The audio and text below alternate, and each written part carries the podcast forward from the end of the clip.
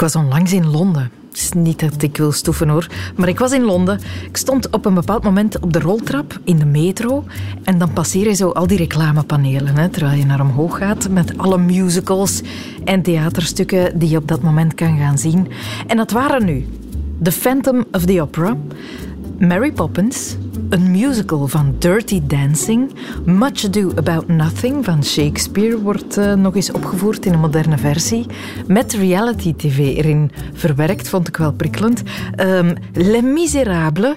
En ineens viel het mij op dat dat allemaal oude verhalen zijn. Sommige tientallen jaren oud, andere eeuwen oud. Verhalen die we eigenlijk gewoon alsmaar blijven vertellen aan elkaar. Opnieuw en opnieuw en opnieuw en opnieuw. Dus vroeg ik mij af, waarom zouden we telkens weer naar die verhalen teruggrijpen? Wat maakt het ene verhaal onsterfelijk en het andere niet? Dat wil ik te weten komen. Dus welkom in de wereld van Sophie.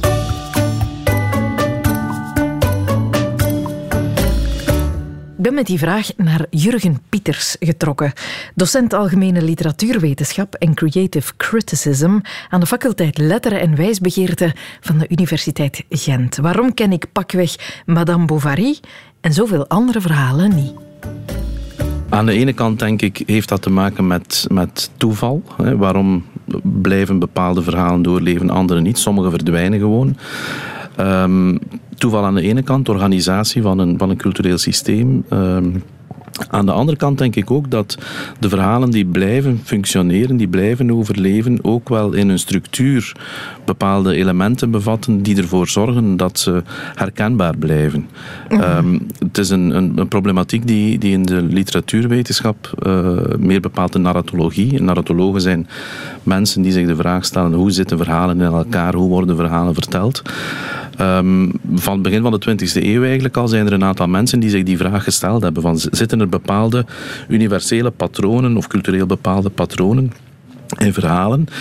Uh, en onderzoek daarnaar, ik verwijs bijvoorbeeld naar het werk van, van een Russische uh, literatuurwetenschapper die al in de jaren twintig een onderzoek deed naar een heel corpus van volkssprookjes, waarbij hij vaststelde, elk van die sprookjes, hoe verschillend die ook lijken, oppervlakkig gesproken, zitten op dezelfde manier in elkaar, op zo'n manier zelfs dat die, die man, uh, Prop is zijn naam, een formule kon opschrijven om vast te stellen, als je een volkssprookje hebt, dan is dit de structuur van het verhaal, dan is dit de volgorde van de gebeurtenissen.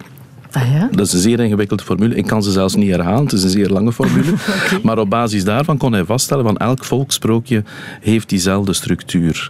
Ja, en dat geldt niet alleen voor Russische volksprookjes, dat geldt voor heel veel verhalen. Wel, in die zin ook, ik kan nog voorbeelden geven. Een, een, een heel bekend boek in dat opzicht uh, uit, uit 1949, uh, A Hero with a Thousand Faces, een boek -hmm. van een, een, Amerikaan, Joseph Campbell. Die stelde eigenlijk ook vast van als je, en dan gaat het niet alleen over sprookjes, als je verhalen, hij heeft er heel veel gelezen, heeft er ook heel lang over gedaan over dat boek, eigenlijk leest en je kijkt naar de basisstructuur, dan zie je ook daar dat er een bepaalde volgorde zit. Dus het, het is niet alleen het thema dat, dat bepalend is, hè, want de meeste verhalen gaan over liefde en verlangen, dood en sterfelijkheid, zou je kunnen zeggen. Maar het is vooral de volgorde waarin de gebeurtenissen gepresenteerd worden, die, die zeer uh, vergelijkbaar is. Ah, ja. heb je, kan je dat concreet maken? Is dat het begin met wel, het, het, het, uh, het, boek van Campbell geeft heel die beschrijving. In, in een cursus die ik geef aan eerstejaars bij ons, maak ik dat concreet aan de hand van het voorbeeld van het begin van de, de Harry Potter, uh, de eerste Harry Potter roman. Die eigenlijk okay. de structuur helemaal volgt. De held wordt uh, uitgenodigd om, om in een avontuur te stappen. Hij krijgt die uitnodiging. Hij gaat daar in eerste instantie niet op in. Hij wordt dan overhaald door een mentor om dat toch te doen. Hij treedt dan in die nieuwe wereld in en zo begint het, het, uh, zo begint het avontuur. Ja, ja. En dan zijn er allerlei tegenslagen. Dan zijn er tegenslagen die ervoor zorgen dat de held hè, van het pad raakt. Er zijn dan tegenstanders die daarvoor zorgen. Er zijn dan aan de andere kant helpers die hem, weer op het, hem of haar weer op het rechte pad brengen. Het is dus ook iets wat je ziet in die die, in die, dat onderzoek naar die, die structuurcomponenten, zeg maar. Het gaat niet alleen over de volgorde van de gebeurtenissen, maar het gaat ook over het feit dat steeds dezelfde soort personages terugkeren. Je Ah, hebt een held die streeft naar een bepaald eh, object. Dat kan een persoon zijn, dat kan een object, dat kan een materieel object zijn, dat kan, dat kan een abstract begrip zijn. Ik zeg maar iets, eh, liefde, zelf, zelfbewustzijn, noem maar op.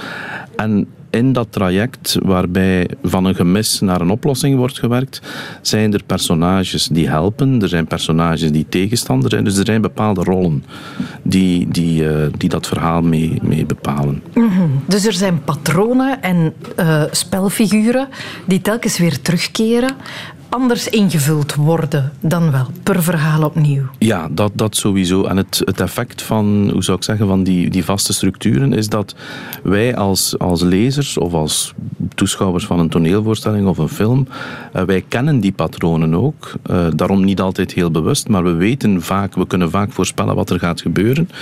Eh, en die voorspelbaarheid is niet noodzakelijk een negatief gegeven. Hè. Dat, laat zeggen, onze verwachtingen worden op de een of andere manier ingelost en we vinden dat niet noodzakelijk negatief. Ja, ja. Bijzonder eigenlijk. Betekent het ook, als je die patronen nu heel goed bestudeert en je hebt een verhaal in je hoofd en je houdt je aan die patronen, dat je verhaal dan een grote kans heeft op succes ook als je het schrijft? Goh, dat is, ja, als dat waar zou zijn, dan denk ik, dan zouden er ongetwijfeld al, al firma's zijn die, eh, die een patent hebben genomen op, eh, en een monopolie hebben genomen op die patronen. Dus ik denk niet dat het zo eenvoudig is. Maar je ziet tegelijkertijd ook dat, dat eh, wanneer je bijvoorbeeld een, film hebt die perfect zou kunnen beantwoorden aan die, die, die verhaalstructuren. sommige van die films gaan een enorm succes worden. Andere van die films gaan helemaal geen succes worden. Dus er is niet alleen de opbouw van die verhalen, er zijn ook andere aspecten die meespelen. Wordt iets goed in de markt gezet? Wordt er veel promotie voor gemaakt? Eh, on- ontstaat er op een bepaald moment een hype bij het publiek die zorgt voor mond-aan-mond reclame. Dus het is zeker niet zo dat de kennis van, het, het, van hoe je zo'n verhaal opbouwt garantie op succes is. hè. Je kunt, Ja, het, je kunt het een beetje vergelijken met, eh, we zitten vandaag in, eh, in, in de voetbaltijden, zeg maar. Het is niet omdat je een, een, als voetbalploeg een spits koopt die bij zijn vorige ploeg heel veel goals gescoord heeft, dat hij dat ook bij zijn volgende ploeg zal doen. Er zijn omstandigheden die daarmee voor zorgen. Ja, ja, Dus inderdaad. garantie op succes is er niet, denk ik. Of je kan vanavond de mooiste film op televisie uitzenden tegenover een belangrijke match op het WK en zal niet gezien worden. Ja, bijvoorbeeld. Bijvoorbeeld Dat is de context waarin het verhaal terechtkomt. Ja. inderdaad. Maar eigenlijk opmerkelijk dat je, om een klassieker te schrijven, niet per se de origineelste moet zijn. Dat, dat is inderdaad een, een, een, interessante, een interessante opmerking. Ehm, ik moet nu denken aan een, een, nog een ander boek eh, van een, eh, een Brits of Amerikaans, daar ben ik niet, niet 100% zeker van. eh narratologo, Christopher Booker, die ook heel lang gewerkt heeft aan een studie waarin hij vaststelt er zijn eigenlijk maar zeven, wat hij noemt basic plots. Ik ga ze nu niet allemaal opsommen. Uh, maar er zijn eigenlijk zeven verhaalpatronen. En elk nieuw verhaal dat gecreëerd wordt, zal ergens een variant zijn op een van die zeven basisverhalen. Uh, als je kijkt ook naar. Want wij denken vaak van ja, kunst moet origineel zijn, literatuur moet origineel zijn. Maar als je kijkt naar de, de ontwikkeling van de literatuur, van de Griekse oudheid tot vandaag, dan zie je eigenlijk dat die originaliteitseis. Uh, wel ergens aanwezig is, maar niet op basis van de verhaalstructuren die ontwikkeld worden. He, als je kijkt bijvoorbeeld naar de overgang van de Griekse literatuur naar de Romeinse literatuur, dan zie je dat de Romeinen verwachtingen hadden voor originaliteit, maar heel zeker niet in de keuze van de verhalen. De verhalen moesten bekend zijn. Ah, ja. De originaliteit zat in het taalgebruik, in het, in, in, in, in ja, het zoeken van specifieke woorden, uh, maar juist niet in de verhalen. Men ging ervan uit de lezer van de teksten moet de verhalen eigenlijk kennen. En afwijkingen op die verhalen waren wel toegestaan, maar in beperkte mate. Ja, ja, hoe we vandaag een beetje naar de opera gaan kijken. We weten wat er gaat gebeuren, we zijn vooral benieuwd hoe het gaat gebeuren. Ja, dat, dat, is, dat is zo. Hè. Je hebt uh, je, de reden ook waarom, als je kijkt naar bijvoorbeeld kinderen, uh, ik heb dat gemerkt ook bij mijn eigen kinderen, ze hebben een bepaalde aflevering van een serie die ze graag zien en zij kunnen daar twintig keer naar kijken zonder enig probleem. En dan heb je als ouder de neiging om te zeggen: Ja, maar goed, je hebt het toch al gezien, wat op zich een dwaze opmerking is. Ja. Ze hebben het al gezien, maar dat is net de reden waarom ze er nog eens naar kijken. Ja, wij doen als volwassenen net hetzelfde. Eigenlijk wel, eigenlijk wel, eigenlijk wel, ja. ja maar ja. ergens, want als alle verhalen altijd weer terugkeren, ergens moet er toch een originele, origineel zijn. De eerste die uh, ja, dat soort verhaalstructuur op poten heeft gezet. Ja, dat, we hebben de neiging om dat, om dat inderdaad te denken. Hè. En, en in, in onze westerse traditie gaan we dan denk ik terug naar, naar de Griekse oudheid en de Griekse mythen. Uh, In mhm. andere culturen zal men misschien andere bronnen vinden, misschien nog oudere bronnen ook. Um, maar ja, wat dan het oorspronkelijke origineel is, dat is natuurlijk zeer moeilijk vast te stellen. Hè. Om de eenvoudige reden dat we weten dat de eerste verhalen die er ooit zullen geweest zijn, niet vastgelegd zijn. Mhm. Dat zal oraal gebeurd zijn. Uh, we weten bijvoorbeeld dat de, de, de, de verhalen uit uh, Ilias en de Odyssee die we plaatsen als tekst in de, de 8e eeuw voor Christus ongeveer, dat die verhalen veel ouder zijn. Mhm. Alleen, we hebben die oorspronkelijke varianten niet. Ja. Wat zegt het over ons dat we alsmaar opnieuw hetzelfde verhaal vertellen en ook willen horen? Goh, het zegt eh, waarschijnlijk veel dingen tegelijkertijd. En eerst iets waar ik aan denk is, het zegt bijvoorbeeld iets, en dat is waar in de, in de literatuurstudie, maar ook in andere wetenschappen men zich sterk mee bezighoudt, de zogeheten cognitieve wetenschappen. Het zegt iets over het feit dat het menselijk brein in verhaalstructuren denkt. Dus wij zijn als, als wezen je zou kunnen zeggen, niet alleen cultureel, maar ook fysiologisch eigenlijk uh, geprogrammeerd om in verhalen te denken. En we doen dat zelf elke dag. Als ik, als ik vanavond uh, thuis kom en iemand vraagt mij hoe is je dag geweest, dan vertel ik het verhaal van mijn dag. Uh-huh. Ik kan daar een positieve invulling aan geven. Ik kan bijvoorbeeld de klemtoon leggen op het feit dat ik mij goed geamuseerd heb door iets te mogen vertellen op de radio. Ik kan daar een negatieve invulling aan geven. Stel dat ik vanochtend, uh, toen ik vertrok naar hier, een lekke band had met mijn fiets, dan zal dat eerder een negatieve invulling zijn. Maar we denken in termen van verhalen. Uh en die verhalen hebben vaak ook, die verhalen zijn in zekere zin, zou je kunnen zeggen, een, een, een manier om controle te krijgen over een werkelijkheid die, die ja, zich niet in verhaalvorm voordoet. De werkelijkheid, zou je kunnen zeggen, is een, is een van gebeurtenissen waar eigenlijk, waar, eigenlijk ja, ja. waar geen patroon in zit. En de verhalen stellen ons dan in staat, dan in staat om, om daar een patroon over te leggen en er betekenis aan te geven. En stellen ons gerust. Vaak wel. Dat, dat zie je inderdaad ook. Dat, dat uh, verhalende teksten, films, uh, ergens altijd een. Ja, ze, ze, ze beginnen bij een tekort, bij een afwezigheid. Ze streven naar een oplossing. Uh, en die oplossing kan positief of negatief zijn. Maar. Ze heeft altijd iets geruststellends in zekere zin. Ook wanneer wij naar tragedies kijken, dan zou je wel kunnen zeggen: ja, maar tragische verhalen hebben toch niks geruststellend ja, het geruststellende zit daar in het feit dat wij niet degene zijn die het verhaal ondergaan. Wij zitten er naar te kijken. En we zijn in zekere zin van op een afstand aan de ene kant blij dat het ons niet overkomt. Mhm. Maar in de andere kant, de andere kant wapenen die verhalen ons misschien om, om voorzichtig te zijn in de, in de werkelijkheid waarin we leven. Hoe aandoenlijk zijn wij eigenlijk? Als je dat hoort, toch spartelend in de onzekerheid van het leven houden we ons vast aan verhalen die we elkaar vertellen en opnieuw vertellen en opnieuw vertellen als een sussend melodietje. Een paar heel interessante dingen gehoord wel. Bijvoorbeeld dat een verhaal in eerste instantie de kans moet krijgen om te bestaan. Een auteur moet de kans krijgen om te schrijven. De context, de bestaande cultuurindustrie moet iemand of een verhaal de ruimte geven, wil het kans maken op onsterfelijkheid. Het moet dus uitgegeven worden. Mensen moeten het kunnen lezen. En die beslissing ligt in handen van de uitgever, die uit een berg manuscripten één verhaal gaat uitlichten en de wereld insturen.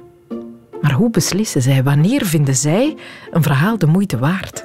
Dat vroegen we aan V. Bobbelijn van Houtenkiet, Julie Verhaard van Pelkmans en Sam Graven van Borgerhof en Lamberichts. Als ik een manuscript zie, dan geef ik dat eigenlijk een 50 pagina's de kans om mij te verleiden. Mensen gaan er voetstoots van uit dat je alle manuscripten geheel en al leest. Maar ik vrees dat dat een beeld is dat we toch uit de wereld moeten helpen. Je voelt eigenlijk heel snel of een manuscript boeit. En dat is het uiteindelijk, of je nu een manuscript hebt, een academisch manuscript, of het is fictie of non-fictie, je moet toch de aandacht van de lezer weten vast te houden. Dat kan zowel door het uh, een verhaal goed op te bouwen uh, zijn, maar dat kan ook pure schoonheid zijn. Zeker in de literatuur heb je mensen die zinnen kunnen schrijven die verslavend als suiker zijn. Bij uh, fictie ga je vooral gaan kijken naar ja, welke metaforen zit erin? Is het een verhaal dat mensen kan boeien? Zit daar een bepaalde geschiedenis in? Zitten bepaalde emoties in? Bepaalde thema's die aangebracht worden? En bij non-fictie ga je dan vooral gaan kijken van uh, klopt uh, alles? Is daar voldoende research gedaan? Een manuscript is voor mij ook een beetje een totaalpakket. Van enerzijds een verhaal dat moet binnenkomen of dat moet intrigeren of dat iets nieuw in zich moet hebben, iets moet veranderen of iets moet aan de kaak stellen op een niet te lerende manier, bij voorkeur. Dat is uiteindelijk ook een van de redenen waarom dat veel van die klassiekers, dat we die vandaag nog blijven lezen, omdat die op hun moment op, van verschijnen, of soms na de dood van de auteurs, jammer genoeg, dat zij daar iets nieuws hebben gedaan en een verschil hebben gemaakt en een impact hebben gehad. En we weten ook momenteel door de jaren ervaring wat er in de markt leeft. En afhankelijk dan van de manuscripten die je binnenkrijgt, voel je heel snel, kan dat iets worden of niet? En dan nog is het, blijft het voor altijd een groot vraagteken. Maar je kan op die manier toch wel al zeker een, een, een, eh, een schifting doen. Dat klinkt zo vies woord, maar het is wel de realiteit uh, om te zoeken naar kwaliteit. Ik denk dat een goede parameter is, ga ik vanavond slapen of niet? Ik heb al manuscripten gehad waarvoor ik mijn nachtrust even terzijde heb geschoven. En dan weet ik van, als het zo dwingend is dat ik echt niet wil gaan slapen, misschien is dat nog een goede parameter eigenlijk van, als ik gedaan heb met lezen, zit het nog in mijn hoofd. Dezelfde parameter als met muziek of als met, met de grote kunsten van achtervolgt het je, neemt het, uh, neemt het plaats in een van de kamers van je geheugen. Zo. Wat je wel ziet is van binnen de actuele thema's nu hebben mensen graag uh, feel good, een beetje met een goed einde, bepaalde menselijke thema's die aan bod komen, geluk, liefde, uh, heel wat waarden. Ja, ik vind dat een heel intrigerende vraag. Wat is tijdloos? Omdat uh, als je veel leest, dan besef je dat de mensheid toch ingedeeld is in periodes waarin dat je het zeitgeist hebt. Maar ik denk eigenlijk dat je binnen de 100 jaar dat kan deduceren dat je zo twee, drie periodes hebt. Uh, ja, er is eigenlijk niks mooiers dan tijdloosheid. Hè? Dus als je de Confessiones van Augustinus leest, wat die geschreven zijn rond 395 ongeveer, uh, dat, ja, dan spreekt daar toch iemand tot jou, een mens. En dat zal je natuurlijk rapper hebben als je de waan van de dag terzijde laat en het hebt over de grote emoties, de grote gevoelens. Dus je Nobelprijswinnaar Knut Hamsun schreef 100 jaar geleden een boek waarin dat er uh, beschreven wordt hoe dat vrouwen geen abortus pleegden, maar hun pasgeboren kind vermoorden. Ja, dan leert je iets zowel over geschiedenis, maar ook over de grote thema's des levens, over de positie van een vrouw in een samenleving, hoe die verandert. Maar dat is toch boeiend, ook al ja, gaan wij nu totaal andersom met onze kinderen, gelukkig maar, dan toch blijft dat een ongelooflijk boeiend thema. Iets nieuw of iets anders is ironisch genoeg soms ook een hervertelling van, van iets wat je al kent. Denk ik ook wel dat er nog altijd ruimte is in ons vak voor heruitgaven van klassiekers of van, van werken die al veel langer meegaan. Maar ik vind het wel belangrijk om daar een actueel sausje over te leggen. Of om daar, om daar met een blik van vandaag naar te kijken. Want sommige dingen die 50 jaar geleden gepubliceerd zijn, kunnen vandaag terecht niet meer door de beugel. Maar sommige dingen zijn het ook gewoon waard om te koesteren en om ere te houden. Ehm, maar dat zijn verhalen die dan zoiets in zich hebben, die vandaag nog altijd gesmaakt worden in boeken. Hè. De miscommunication, de, de liefdesverhalen iemand die ongelukkig is in een relatie naar iets anders verlangt. Of, dat zijn dan wel verhalen die je in eender welke context terug op kunt pakken of zo. Hugo Claus zei dat ook, denk ik. Je hebt uh, twee thema's, leven en dood. Uh, en als je daar iets boeiends mee doet, dan heb je mij. Ik denk dat uh, eh, 99 van de 100 boeken ja, hebben hetzelfde thema. Namelijk, hoe gaan we ermee om dat we hier zijn? Uh, en liefde en dood is misschien beter samengevat dan leven en dood. Ja, en kan je mij daarmee verleiden? Er zijn miljarden boeken geschreven over boy meets girl. Maar hoe ga je mij dat vertellen? Dus het is niet alleen het wat, maar zeker ook het hoe. Ik kan dat soms bij kinderboeken echt al zeggen, want dit is echt een klassieker in wording. Omdat dat gewoon iets totaal anders is, maar wel van een heel hoog niveau en, en, en een, een verhaal dat het, dat, het, ja, dat de tijd kan doorstaan, letterlijk. Maar het blijft zo een zoektocht, zou ik maar zeggen, tussen die tijdloosheid gaan opzoeken en iets actueel in een boek verwerken, waardoor dat je ook vandaag daar een interessant verhaal rond kunt bouwen om het bij veel mensen te krijgen. Die spotlight heb je wel nodig, omdat er zodanig veel verschijnt en er zijn zodanig veel verhalen die willen verteld worden. Dat je ook heel kritisch moet nadenken van met welke verhalen gaan we, gaan we nog een interessant verhaal naar buiten kunnen brengen, dat we daar veel mensen mee kunnen bereiken en dat we veel mensen aan het lezen kunnen zetten met dat verhaal. Zeker omdat in fictie wordt er zodanig, allee, is de rotatie van, van verhalen zo groot dat dat wel heel erg meespeelt. Dat kind en jeugd hebt altijd meer een, een langer leven voor een boek. Dus kun je precies ook meer tijd nemen om die een boek te zetten en, en te laten landen. Bij fictie proberen we dat uiteraard ook voor elke titel, maar is dat gewoon moeilijker omdat de concurrentie daar precies nog op een andere, agressievere manier te werk gaat of zo. Dat zou wellicht aanmatigend zijn om te zeggen dat je manuscript leest en denkt binnen 200 jaar wordt dit nog gelezen. Ik denk dat ook Hugo Claus was die zei dat hij al lang ging blij zijn als er na zijn overlijden nog eens een, eh, een jong meisje even snuisterde in uh, een van zijn boeken. Dus zo aanmatigend durf ik niet te zijn. Maar het is wel zeker zo dat ik al manuscripten gelezen heb waarvan ik binnen de 20 pagina's wist: dit wordt een, uh, een grote hit vorig jaar, de jongen, de mol en het paard. Ik weet nog goed, binnen de uitgeverij hadden ze ons een estimatie gevraagd. En wij dachten, ja, goh, we zullen wel een paar kunnen uh, verzetten. Dat is echt een mooi cadeauboek onder de kerstboom. Ja, dat is echt een van de grote toppers geworden die nu nog altijd, na meer of een jaar en half, uh, blijft doorlopen. Uh, dat is echt een klassieker geworden. En niemand heeft dat op voorhand kunnen inschatten. Niemand. Ja, soms onvoorspelbaar. Je mag zo'n 20 of 30 jaar in het vak zitten. Je haalt daar wel de kwaliteitsverhalen uit om, om te starten, waarin je gelooft. Maar dan nog is het geen zekerheid. En er is ook soms gewoon iets dat binnenvalt en dat je denkt van, ach, dat kan, dat kan mogelijk iets worden en het wordt iets ofwel niet. Dus toeval speelt ook nog een stuk mee. Ja, dat is een feit, ja.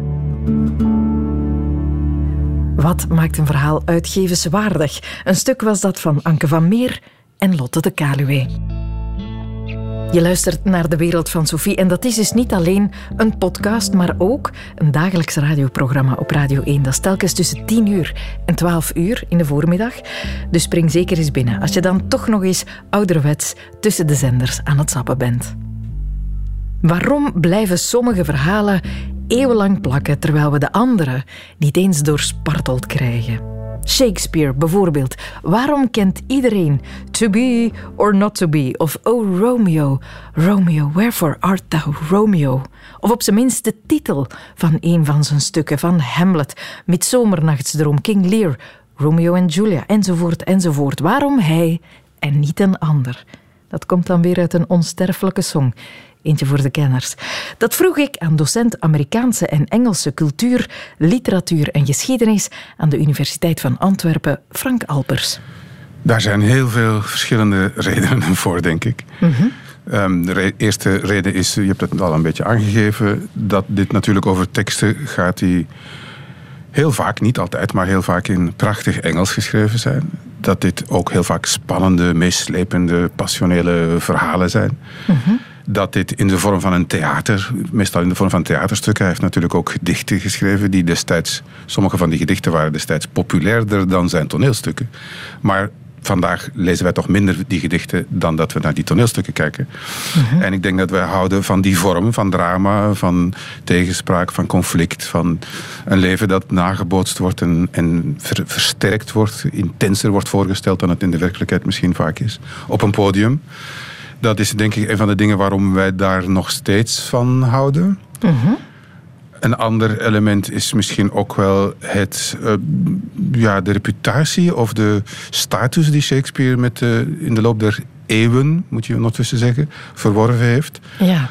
Om het een beetje cru te zeggen, het is gewoon ook chic om te zeggen dat je wel eens naar een Shakespeare-stuk gaat. Of, hè, Shakespeare heeft een zekere sociale respectability, een zekere status, mhm. waar mensen ook wel eens graag mee willen uitpakken. Hij behoort nu eenmaal, wat oorspronkelijk niet het geval was, maar hij behoort nu natuurlijk toch wel tot de tot de hogere cultuur, zullen we maar zeggen. Ja, ja, ja. Als je met je lokale toneelvereniging Hamlet opvoert, dat is toch wat anders dan een deurencomedie van een onbekende ja.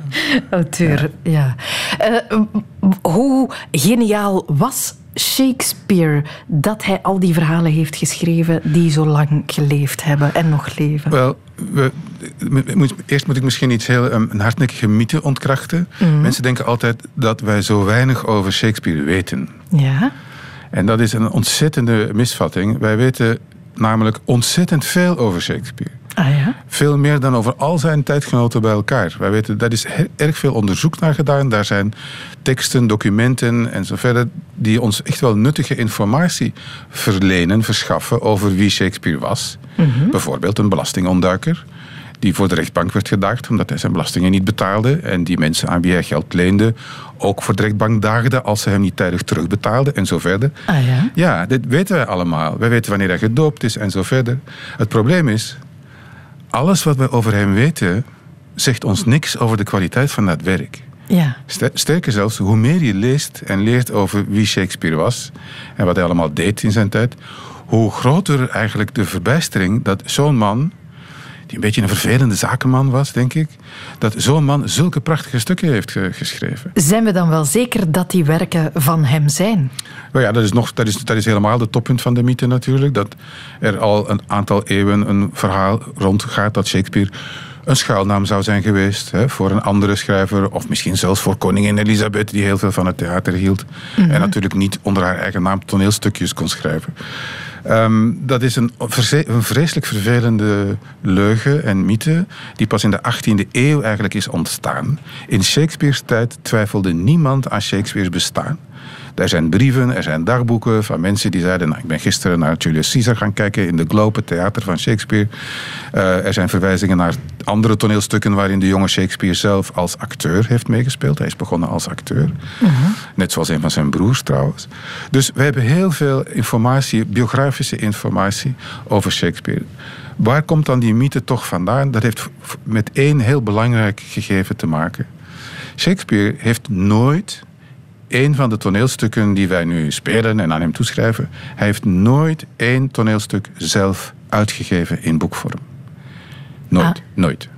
Wat deed hij dan? Shakespeare schreef twee stukken per jaar. Hij maakte een stuk, hij schreef het en hij ging naar een theatergezelschap. Later had hij zelf een eigen gezelschap.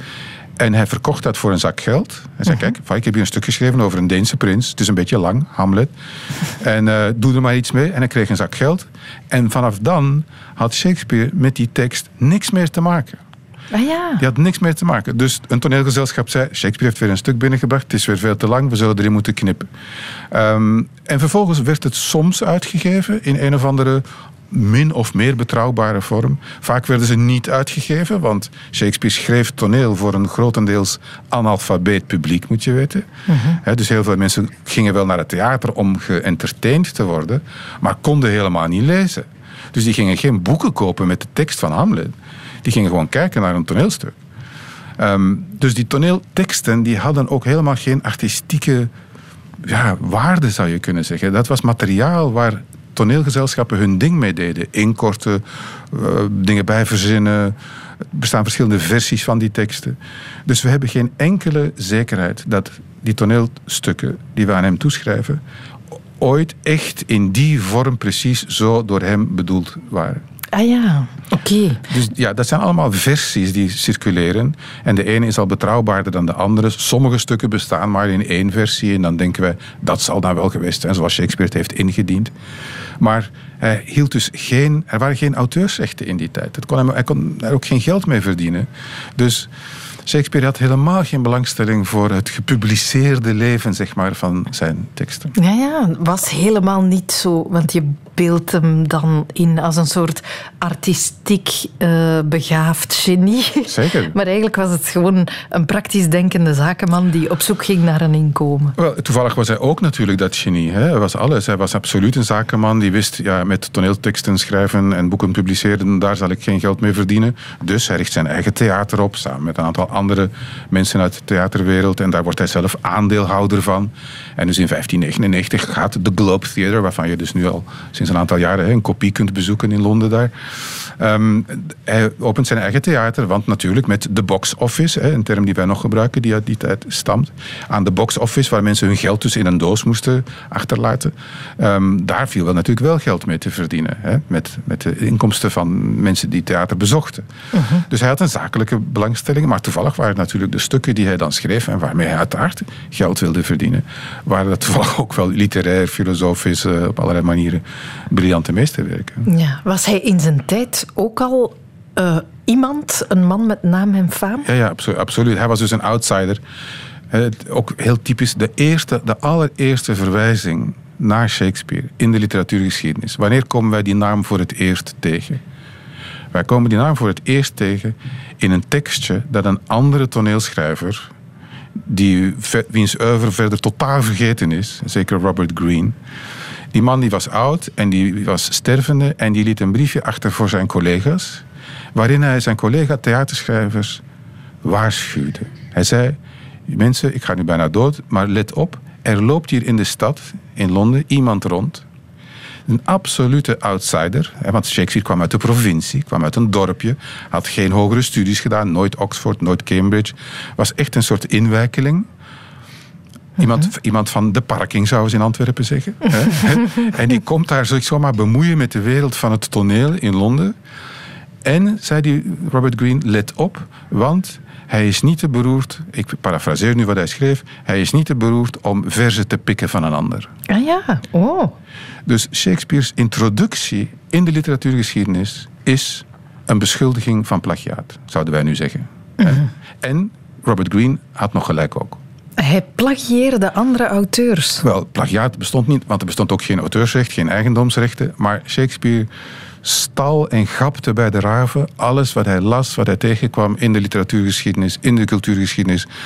Of het nu Italiaans was of Frans was of uit Scandinavië kwam.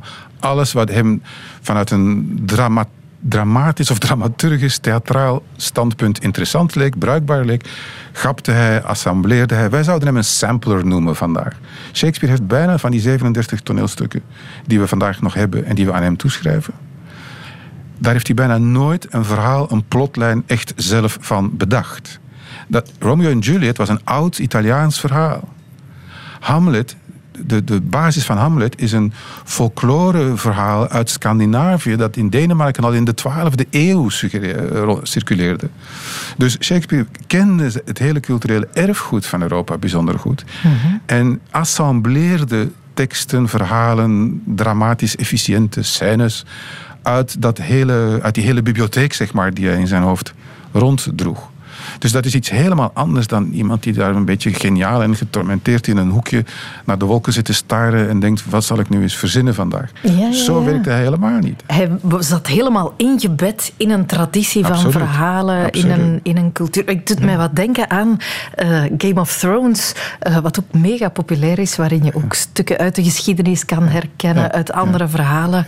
Slim. Ja, je, je, merkt dat als je aan mensen zegt: Shakespeare heeft nooit een verhaal zelf bedacht, heeft nooit een tekst zelf uitgegeven, um, een toneelstuk toch niet, gedichten wel. Dan zie je soms bij mensen een zekere teleurstelling. Zo van: oh, dan was hij toch niet zo geniaal. Hè? Uh-huh. Maar ik denk, ja, dat is omdat je uitgaat van een soort romantische originaliteitsmythe. Zo, van een grote kunst is iets wat uit het niets verzonnen wordt. Dat was helemaal niet zo. Shakespeare's grote kunst bestond namelijk in het herwerken, hertalen, voor zijn tijd, vanuit zijn actualiteit ook, van grote bestaande narratieven, motieven en zo verder. Waardoor die populariteit natuurlijk wel verklaarbaar is, want mensen kenden het verhaal van Julius Caesar. Mensen wisten wel iets over Romeo en Juliet. Zie je? En heel veel van die comedies ook. Hij heeft heel veel stukken over de Engelse koningsgeschiedenis, de, de, de, monarchen, de Wars of the Roses, de grote koningen. Ja, dat kenden mensen uit geschiedenisboeken. Shakespeare las die geschiedenisboeken, vond die geschiedenisboeken natuurlijk doodsaai. Maar maakte daarvan, dat was zijn materiaal, waar hij dan vervolgens ja, Richard III mee schreef. Zie je? Waarbij hij er niet voor terugdeinsde om figuren die historisch nooit hebben bestaan toe te voegen. Of figuren die wel hebben bestaan, maar die hij op een, op een toneel niet interessant vond, die gewoon te schrappen. Dus als je de nauwkeurige geschiedenis van, van Engeland zou willen studeren, dan moet je natuurlijk je niet verlaten op Shakespeare, want daar gebeuren dingen in die nooit in het echt zijn gebeurd. En, mhm. Snap je? Dus hij gebruikte alles wat hij rondom zich las, vond, zag, besprak, om daar stukken mee te maken. Shakespeare was een sample artist, een meesterlijke remixer, zoals wel meer grootheden. Zich inbedden in een ganse traditie en niet meer doen dan een klein beetje verder bouwen op dat wat we al kenden. Shakespeare had het dus zeker ook niet erg gevonden om te zien dat zijn werk vandaag ook nog geremixed en gesampled wordt. Door Tom Lanois bijvoorbeeld. De koningsdrama's van Shakespeare herwerkte hij tot een marathonvoorstelling ten oorlog. En op dit moment werkt hij aan een bewerking van Macbeth. Maar behalve theaterauteur is Tom Lanois ook schrijver van romans. Uh, kartonnen dozen, sprakeloos recent nog de grote collaboratieroman De Draaischijf. We vroegen ons af, wat maakt volgens hem een verhaal tijdloos? Van welke boeken hoopt hij zelf dat ze de tand des tijds zullen doorstaan? En is die onsterfelijkheid iets wat de schrijver bezighoudt? Vincent Bilot sprak met hem. Ik denk echt dat je alle mogelijke grote tragedies kunt vinden um, in om het even welke rubriek. En dan moet je het adagium volgen van uh, Daddy Klaus. Hè. Hugo zei altijd, alle tragedies staan elke dag in het laatste nieuws. Het verschil is natuurlijk de vorm. En dus eigenlijk vertrek je vanuit zo'n analyse en kom je toch dan terug op ja, hele grote thema's die in het laatste nieuws briljant als uh, bijna riooljournalistiek zijn neergeschreven in die vorm maar die je dan een andere vorm moet geven. Kijk, de oerthema's blijven hetzelfde, omdat het menselijk leven hetzelfde blijft. De hoop om te ontsnappen aan de sterfelijkheid. En eigenlijk is daar geen bal om veranderd. Wat wel verandert, is telkens weer de arena. Is telkens weer de uh, politieke, maatschappelijke, religieuze enzovoort context. Dus daarom maakt het ook dat je telkens weer diezelfde verhalen kunt vertellen omdat ze toch telkens weer een klein beetje verschuiven. Dus een goed boek zou volgens mij um, die twee dingen doen. Dat is een eeuwig thema op een goede manier tackelen en dat dan weer in een, um, in een, in een nieuwe context zetten. Maar als ik toch even mag naar mijn eigen werk verwijzen, dan, hè, ik ben nu heel trots op de draaischijf. Er zijn nogal boeken geschreven over de collaboratie in Vlaanderen. Nog altijd te weinig, wat mij betreft. Maar dus dit specifieke verhaal, beïnvloed door Mephisto van Klaus Mann, een roman, die ik heb mogen bewerken weer voor toneel, als een soort voorstudie.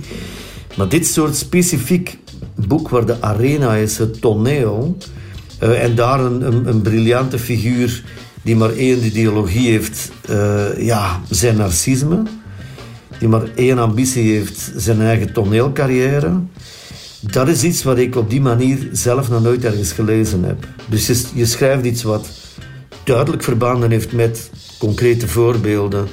Goede vrienden en collega's van me. Wil van Jeroen Olieslagers, uiteraard het Verdriet van België, van Klaus, uh, de opgang van Stefan Hertmans. Maar je kan die vier boeken ook naast elkaar lezen als vier facetten van dezelfde harde, duistere diamant. En ik heb dan een van die facetten toch geslepen. terwijl je aan het schrijven bent, uh, moet je denken dat je schrijft voor de eeuwigheid, tegen beter weten in. En je moet ook wel de ambitie hebben van ik ga beter doen. Uh, en ik ga ook wel een absoluut een, uniek boek schrijven, terwijl het toch altijd maar weer een, een, radertje is en een bijzonder lange ketting. Ik wil ook absoluut in die traditie staan, hè. dat is het dubbele. Je wil iets maken wat, um, wat zeker en vast ja, toch mag bogen op een zekere uniciteit. Maar tegelijkertijd uh, besef ik ook heel goed als geen ander, vanwege die vele bewerkingen, dat ik in een, uh, ja, in, een, in een traditie sta, dat ik maar een schakel in een keten ben. Maar ik wil daar ook zijn.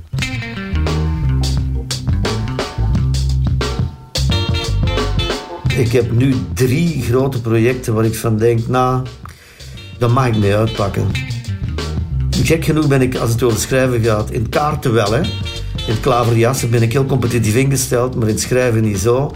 Maar daar denk ik wel van, de oorlog sprakeloos, draaischijf, dan mag ik mee uitpakken. In die zin denk ik wel, maar het is veel meer van wat ik voor, wat ik voor mezelf, toen ik heel jong was, mij heb opgelegd uh, dat ik zou moeten doen om mezelf niet mislukt uh, te voelen. En de draaischijf, ten oorlog sprakeloos, zijn heel belangrijke stenen daarbij. Op den duur is het een, denk ik een kruising tussen, um, voor mij werkt het althans zo, tussen uh, talent en studie. Talent wil dan zeggen dat je in materiaal, bijvoorbeeld uitgerekend mijn moeder, liefhebber actrice, krijgt een beroerte en verliest haar taal, dat ik daar direct in zie, daar zit ook materiaal in wat veel ruimer is dan mijn moeder krijgt een beroerte. Ik denk echt dat uh, sprakeloos, en men mag me dan uh, onbescheiden of pretentieus noemen, dat doen ze sowieso. Maar dat dat uh, een gerede kans maakt om, om naast de kapelletjesbaan en sprakeloos is zeker dat boek wat altijd met mij verbonden zal blijven. Ik denk dat dat heel veel dingen samenvat, niet alleen over mezelf, maar ook over die condition humaine waar we het over hadden. Het is verschrikkelijk uh, voor iedereen om dat mee te maken als, als uh, kind van. Om te zien hoe je ouders aftakelen en om een, hoe een zo welbespraakte, flamboyante vrouw uitgerekend haar taal moest verliezen. Maar voor de persoon die zijn moedertaal heeft gekregen van haar en daar zijn beroep van heeft gemaakt, was dat um, een bijkomende grote schok. En ik denk dat dat um, uiteindelijk, omdat een, ja, het boek gaat over taal, in exuberante taal, en gaat over het wegvallen van taal in een vuurwerk van woorden. Dat heb ik zo bedoeld. En dat is iets wat um, ik zelf op die manier nog niet ook gelezen heb. En ik denk dat dat is, dat is echt um, uniek en tegelijkertijd schrijnend. Want um, het is nog altijd een boek wat ik liever niet geschreven zou hebben. Omdat het mijn moeder is moeten overkomen. Dus dat is zo'n een heel gevrongen gevoel nog altijd. Ik ben heel trots op het boek en ik ben nog altijd woedend en kapot van wat er aan de grondslag ligt. De aftakeling van mijn moeder.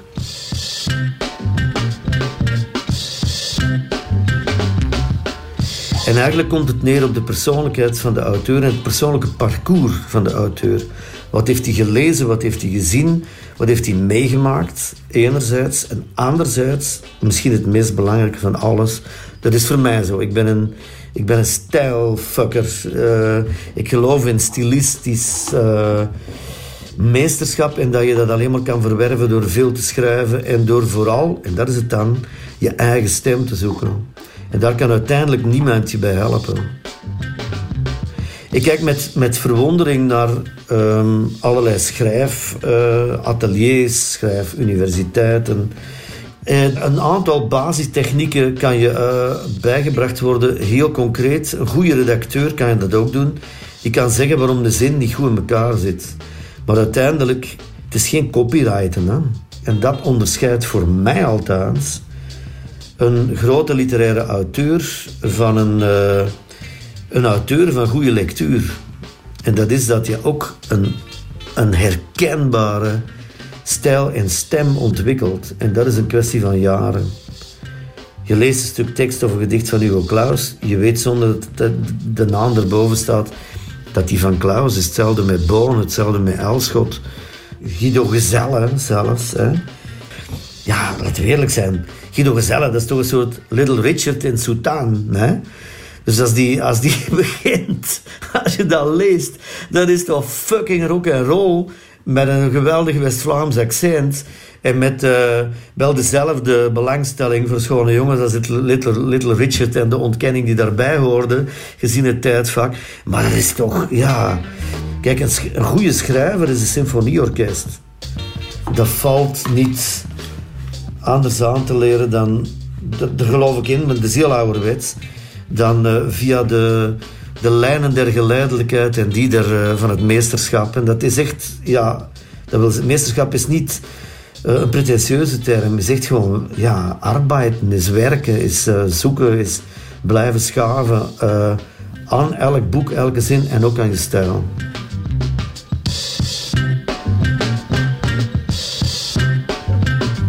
En als de Nederlandse taal overleeft, wat ik absoluut geloof en wat ik zeer hoop. Ik ben een grote fan van ons Nederlands. Ik, uh, iedereen die dat een niet wendbare, niet zo mooie muzikale taal noemt, die, uh, die krijgt mij tegen. Dat, dat klopt gewoon niet.